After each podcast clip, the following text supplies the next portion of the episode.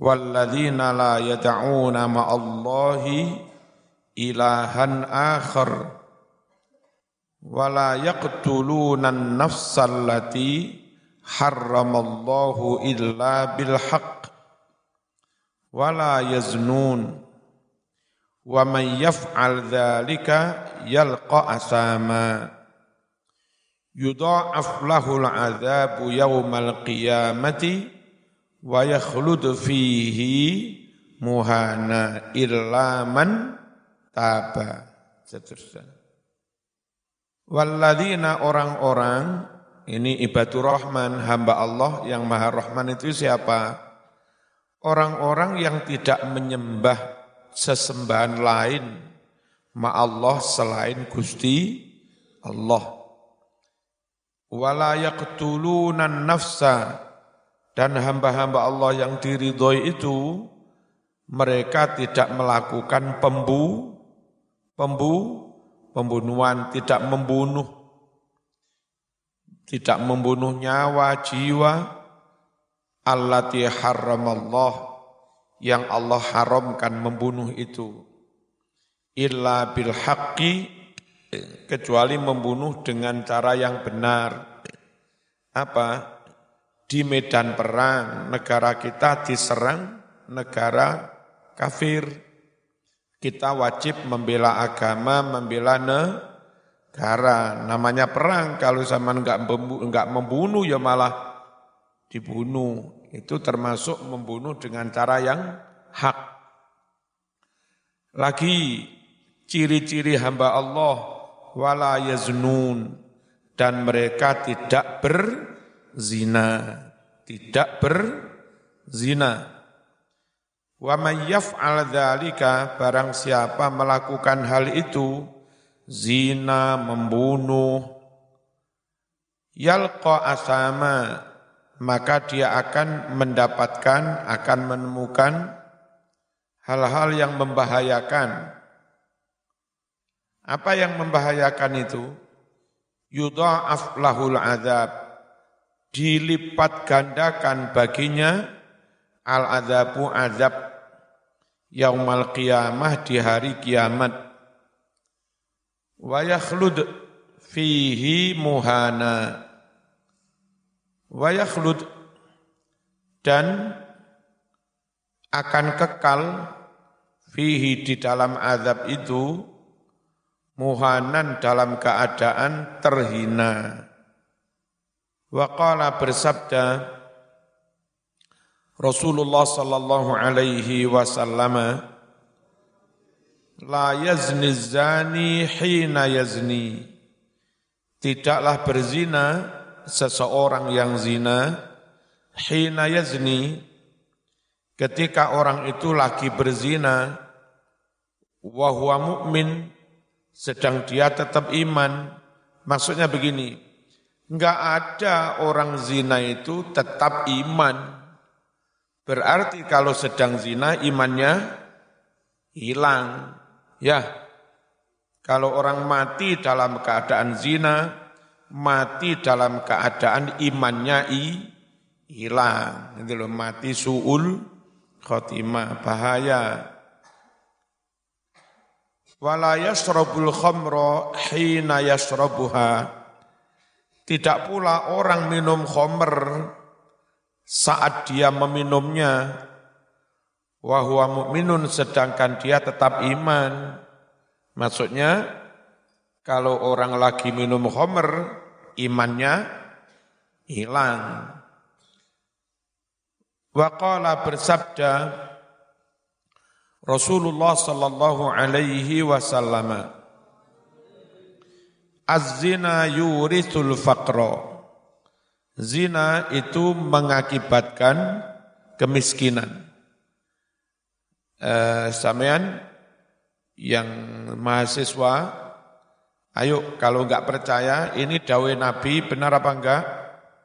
Saman buktikan pusat-pusat lokalisasi baik yang masih beroperasi atau yang sudah dibubarkan, tapi seonok bekas-bekas rumah. Kalau soal penghasilan, mereka jauh melebihi dosen.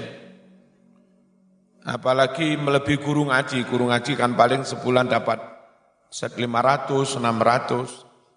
Eh, nyun sewu, pelacur-pelacur kayak begitu, itu semalam bisa melayani 4 sampai 5 tamu. Kalau satu orang aja dia diberi 100, semalam dia biasa dapat 500. Ya kan? Terus kalau satu bulan taruhlah beroperasi 20 hari, berarti satu bulan penghasilan pelacur itu bisa 10 juta. Soal hitungan nominal banyak banget. Tapi apa yang terjadi?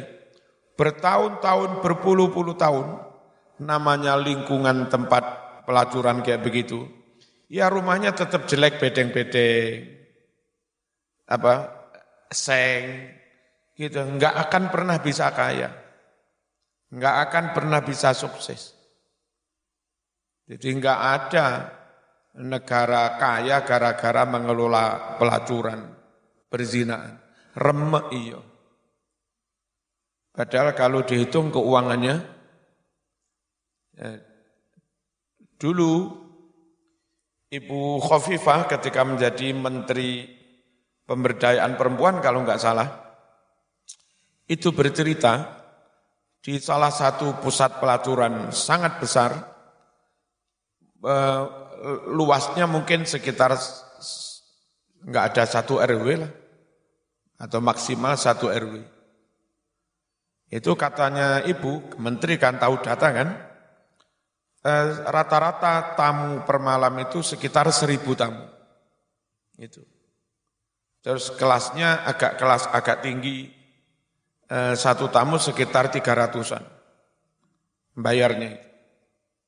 Bayangkan satu malam uang masuk di lingkungan yang luasnya nggak ada sa-RW. Itu setiap malam masuk dana 300 ribu kali seribu. Biro itu? 300 juta satu malam. Ya, 10 malam biro? 3 M. Ya, kalau satu bulan biro? 9 M.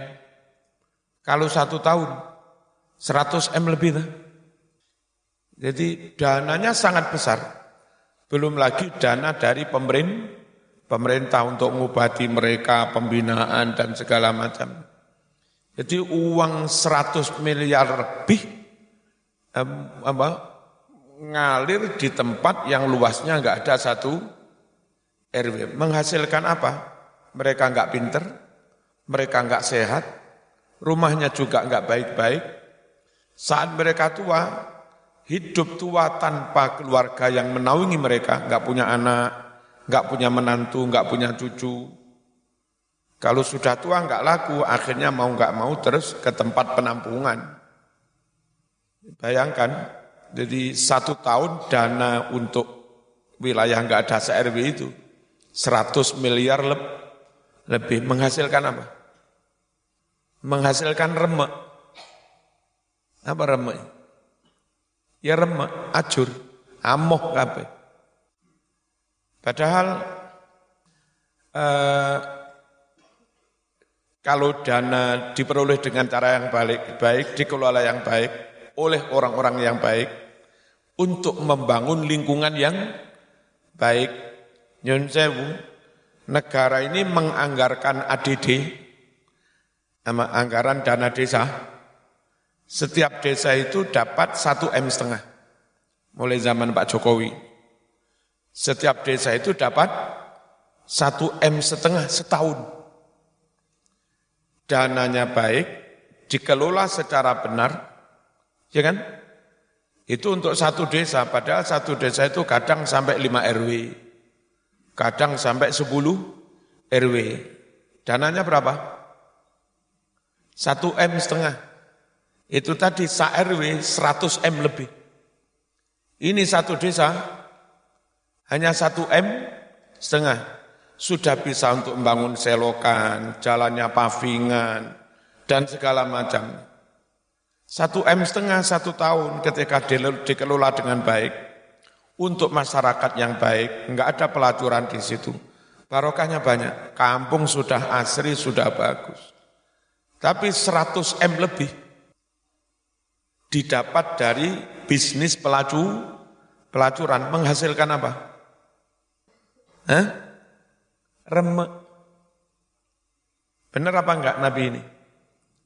Az-zina yurithul faqra.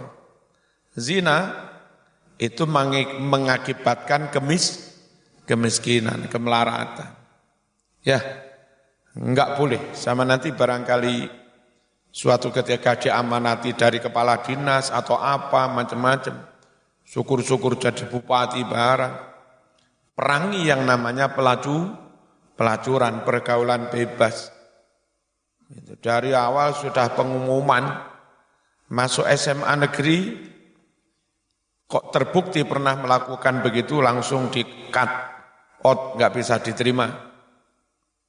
Kok di SMA negeri, di SMK ada yang begitu-begitu langsung dikeluarkan, bikin aturan kayak begitu-begitu. Apa? Untuk mengikhtiarkan lahirnya generasi yang bagus-bagus, lahir batin. Ya, kalau negeri itu sampai banyak yang Nyun zina-zina, hamil di luar nikah, dalam jumlah besar.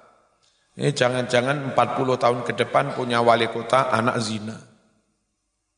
Khotib masjid jami anak zina. Menteri agama anak zina kemeng. Halo. Hati-hati. Hati-hati. Waqala bersabda Rasulullah sallallahu alaihi wasallam al-muqimu ala zinan orang yang terus-terusan zina, enggak leren-leren, enggak tobat-tobat, hukumannya ka'abidi wathanin, seperti orang yang menyembah ber, ber, berhala. Hukumnya kayak orang musyrik, penyembah berhala.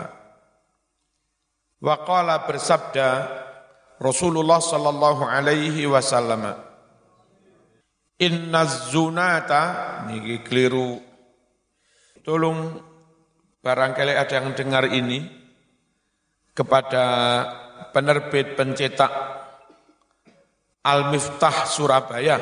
Ya mohon sebelum diperbanyak dikoreksi banyak tulisan yang salah eh Tolong penerbitnya Al-Miftah Surabaya.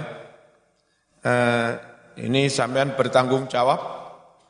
Kalau sampai ada Quran nulisnya salah, hadis nulisnya salah, akhirnya orang yang baca salah paham, si penerbit ini ikut menanggung do, dosanya. Tolong hati-hati, hati-hati ojo digolek ibadine tok Ya kalau pas dibaca kiainya sudah hafal hadis sehingga ini salah ngerti, ya kan? Kalau pas gurunya guru anyar bizan, dibaca opo ana, anane kan payah. Yang benar inna zunata, sungguh orang-orang yang berzina, jamak dari zanin. Kalau tasniyah, zaniani. Kalau jamak, zunat. Inna zunata sungguh orang-orang yang berzina tasta'ilu menyala-nyala pakai sin gede. Ini kurang titik kan? Ya. Tasta'ilu molap-molap. Apa molap-molap? Hah? Ya molap-molap. Menyala-nyala. Wujuhuhum wajah mereka. Apa yang menyala naron? Api. Orang zina itu nanti wajahnya terbakar. Waqala bersabda Rasulullah sallallahu alaihi wasallam Inna samawati sab'a wal ardina sab'a sungguh langit sab itu bumi sab itu latala'anu syekh zani. Semuanya itu benar-benar melaknati orang yang sudah tua masih zina lagi. Tawek zino, enggak tobat-tobat, wis mambu lemah kan. Wis kate ngeleng. Ngono gak gak tobat-tobat. Apalagi sudah punya istri, punya sua, suami. Pe, wis Masya Allah. Semua langit bumi melak, melaknatinya.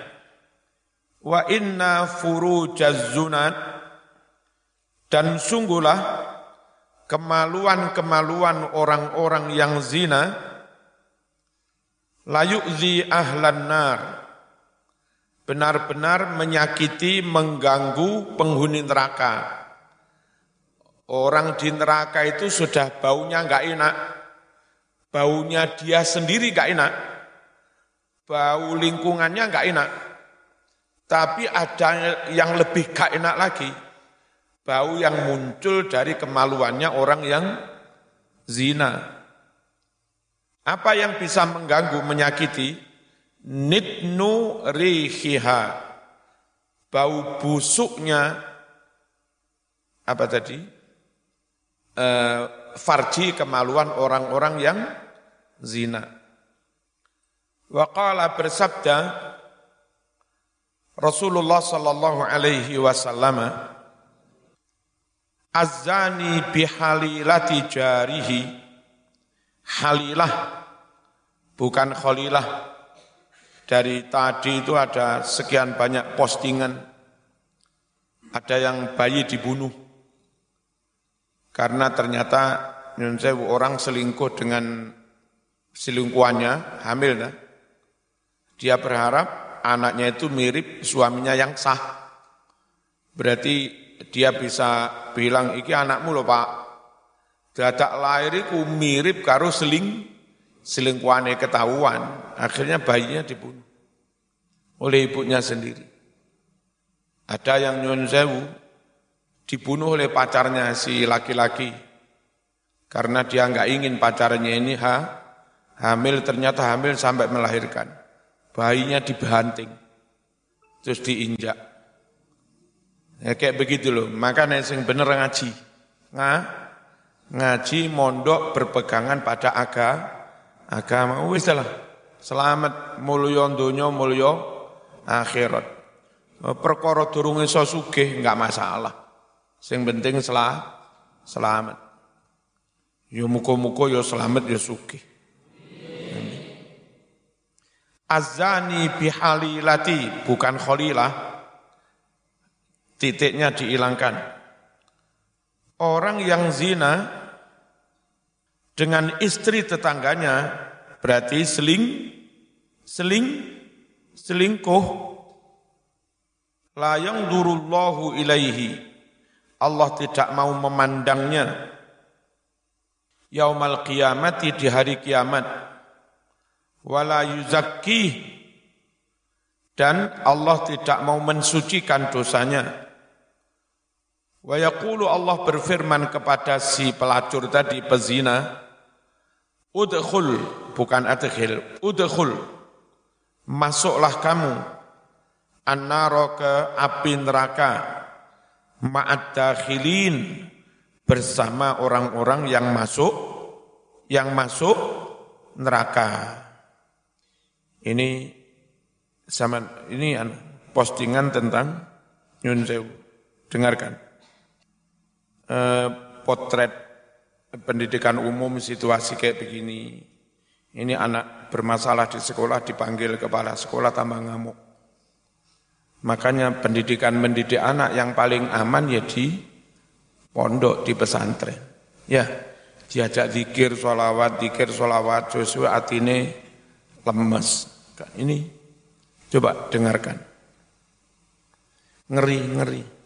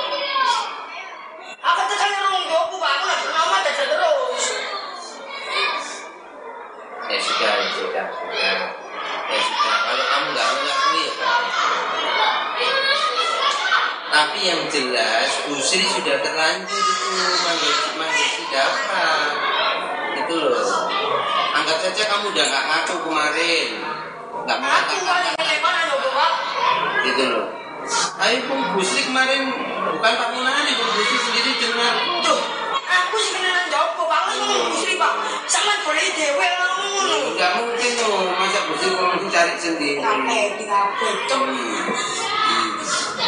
Kalau penjelasan, gue penjelasan tentang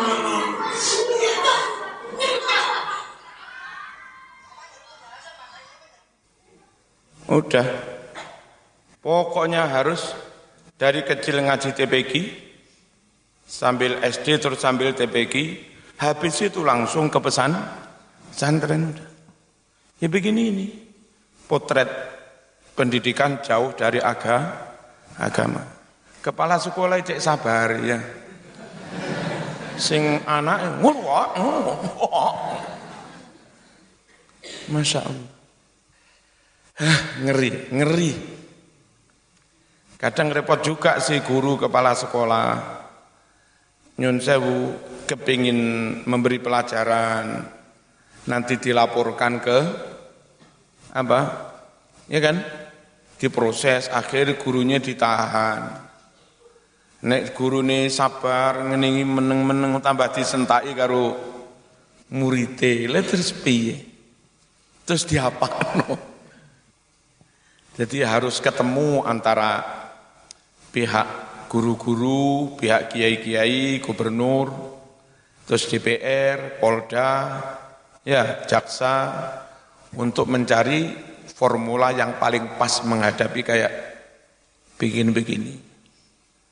Andai langsung ada peraturan, begitu nakal langsung out. Enak sudah kepala sekolah, guru-guru. Enggak usah diajar, enggak usah apa-apa, nakal didik, out Tapi akan ada sekian ribu anak akhirnya drop out. Kak seko, kak sekolah, sabar kon. Jadi diulang karo jasa jaksa Bismillahirrahmanirrahim. At-targhibu fi hifdzil farji. At-targhibu anjuran dorongan andemenake fi hifdzil farji jogo farji jogo kemalu kemaluan itu tadi enggak sampai zi zina cara menjaga gimana dari kecil sudah dididik agak agama. Orang tuanya juga ngajak jamaah, ngawasi. Kalau orang tuanya repot nyambut kai, langsung serahkan ke pesan pesantren. Lalu nanti nggak usah pakai pacaran, soal pengen nikah ketika sudah siap, matur kepada ayah, matur nang ibu, nanti ayah ibu musyawarah dengan kia, kiai. Saman sendiri ketika cocok dengan orang, Ojo langsung diiyani dewe. Matur musyawarah dengan pihak kelu, keluarga. Insya Allah aman. Itu cara menjaga kemaluan. Jangan sampai zi, zina. Qala telah bersabda Rasulullah sallallahu alaihi wasallam Sab'atun yudhilluhumullah ada tujuh golongan orang Allah menaungi mereka, ngiyup-ngiyupi mereka. Allahu Allah. Fi dalam naungan Allah, dalam payung Allah. Yaumala zilla, pada hari tidak ada iup-iup, enggak ada naungan. Illa zilluhu, kecuali iup-iup payungnya Gusti Allah. Apa itu? Di padang mahsyar. Siapa tujuh golongan yang diiub-iubi? Enggak merasa panas. Pertama, al-imamul adil. Kepala negara, pejabat, gubernur, menteri, bupati yang adil. Muka-muka pejabat kita sedoyo dibimbing langsung karo Gusti Allah diparingi hidayah ya sehingga benar dalam mewujudkan keadilan, kemakmuran, kesejahteraan. teraan menegakkan kebe, kebenaran, memerangi kemungkaran. Nomor dua, wasabun, anak masih muda, tapi aneh, saat dia giat, fi ibadatillah, dalam beribadah kepada Allah. Top ini. Umur-umur seumur sambian itu, yang dibayangkan, dua sepeda apa ninja kebut-kebutan dua sepeda trail kebut-kebutan mari ngono SMA terus dua ditukokne Honda Jazz terus karo pacare gendaan kan ngono tapi ternyata yang saman pilih nggak begitu apa ngaji poso dan melewatkan masa-masa muda untuk bersenang-senang Berat sekali kayak perjuangan sambian melihat teman-temannya wis duwe pacar, duwe motor api, kebut-kebutan. Terus mari ngono foto karo pacare dikirimin sampean. Menahan itu juga ber, berat, tapi ternyata zaman tetap bersikukuh pada pilihan. Kak, aku ngaji. Kak, aku tetap nyekali aku agomo. Nah, anak muda yang kayak begini ini nanti yang lain kepanasan yang padang masar dia iup di iup iupi Gusti Allah. Sebab neng donya wis ngerasakne panas.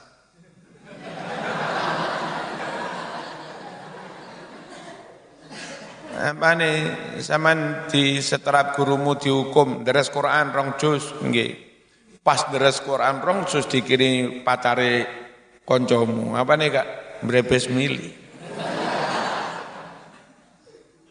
Enggak apa-apa, tetap kukuh pada pilihan apa? Nga, ngaji. Si nom tapi sergep ngi ibadah. Top wis. Warajulun qalbuhu mu'allaqun bil masajid. Yang ketiga yang dipayungi Allah Orang yang hatinya senantiasa terpaut dengan masjid-masjid, senengane neng masjid, nanti tamat dari apa, apa masih kuliah juga sambil jadi marbot masjid, azan, sesekali kadang imami, tamat kuliah ke rumah juga langsung menempel ke masjid, gitu ikut jadi panitia pembangunan dan seterusnya. Itu orang yang besok di iup-iupi. Warajulani tahabba fillah. Dua orang yang saling mencintai semata-mata karena Allah ijtama'a alaihi dua-duanya berkumpul karena Allah wa tafarraqa alaihi dua-duanya berpisah juga karena Allah. Warajulun ta'athu imra'atun yang kelima, yang dipayungi Allah, orang yang diajak oleh orang perempuan. Ini kadang godaannya supir-supir, supir truk, santri, ya kan, mampir di pinggir jalan, kesel, moro diparani wong wedok ayu, melok-melok dandanan. Ayo mas, saya ketemu mas. Berat sekali dia sudah empat hari, lima hari nyupir truk ke Sumatera kan. Sudah lama nggak ketemu is, istri. Neng dalan digodo koyok ngono. Kalau dia akhirnya tetap kuat kak, aku wedi gusti Allah bu, masya Allah, top wongi, layak nanti mendapat apa? Naungan, payung. Orang yang diajak oleh orang perempuan Zatu mansibin wa jamalin. Yang orang Purman itu punya pangkat. Wah, sengaja anak ibu pati. Enggak mobil ya. Wa jamalin ayu bizan. Waduh, duh, duh, duh, duh. Langsung mau jawab. Sepurone mbak ini akhafullah. Top tenan nih, top ya. Semoga-moga arek enggak seimani kuat enggak mangsah digoda ya. Inni akhafullah, sungguh saya takut kepada Allah. Warajulun tasaddaqa bisadaqatin. Yang keenam yang dipayungi Allah, orang yang bersedekah dengan suatu sedekah. Dia nggak ingin riak, nggak ingin pamer. Rahasia caranya sedekah. Sampai istrinya nggak tahu dia sedekah. Sampai tangan kirinya nggak tahu yang disedekahkan oleh tangan kanan. Fa'akhfaha, dia rahasiakan sedekah itu. Hatta la ta'lama shimaluh, hingga tidak mengetahui kanan tang, tangan kirinya, hingga tidak mengetahui tangan kirinya, matun fiku yaminuh, seberapa banyak tunfiku infak yaminuhu tangan kanannya. Saking diraha siakan cukup Allah yang tahu. Itu top sudah. Sing liya diumumne Pak Jifulan nyumbang 10 juta. Uh Pak Jifulan nyumbang 15 juta uh sama nyumbang sak miliar tapi meneng apot mas apot Cara zaman nggak kuat, puluh juta umumnya, eh tak miliar. Hmm. Tapi zaman milih meneng cukup Allah yang menge mengetahui. Warajulun dakarallaha khalian. Yang ketujuh yang dipayungi Allah, orang yang berzikir kepada Allah dalam keadaan sepi-sepi, zikir sen, sendiri di tengah malam, teringat dosa, teringat masa lalu, lapo aku mbiyen tatoan, lapo aku mbiyen gen, gendaan, lapo aku mbiyen to kelan, lapo, aku mbiyen asrob, asrob, menderek torikoh asrobia, ngombe. Dikir kelingan dosa sampai nangis, ya. Itu besok dipayungi Gusti Allah. Fafautot kemudian berlinang, fafautot kemudian berlinang menetes. Ainahu kedua matanya, top ini. Muka-muka sama menjadi satu di antara tujuh ini. Al-Fatihah.